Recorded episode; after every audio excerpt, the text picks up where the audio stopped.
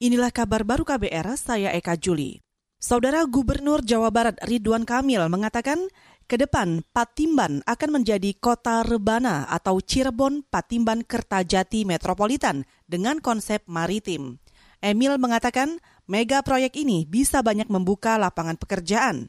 Gubernur Emil menyampaikan itu saat hadir dalam peresmian Pelabuhan Patimban kemarin. Juga kami bantu menjadi kota maritim Patimban untuk satu juta penduduk, sehingga kami harapkan dalam 30 tahun akan sukses menjadi kawasan dan kota pelabuhan yang luar biasa. Kawasan industri Bekasi contohnya membutuhkan 30 tahun untuk menjadi sukses seperti sekarang.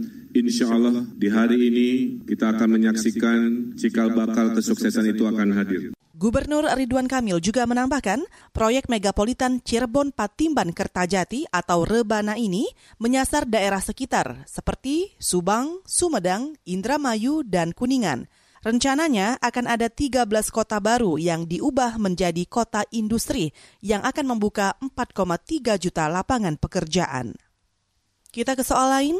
Wakil Presiden Ma'ruf Amin meminta partai politik menjadi media penyerap aspirasi sekaligus komunikator bagi pemerintah maupun rakyat. Sebab, kata dia, efektivitas komunikasi tersebut akan menentukan kualitas kebijakan pemerintah yang sejalan dengan aspirasi masyarakat.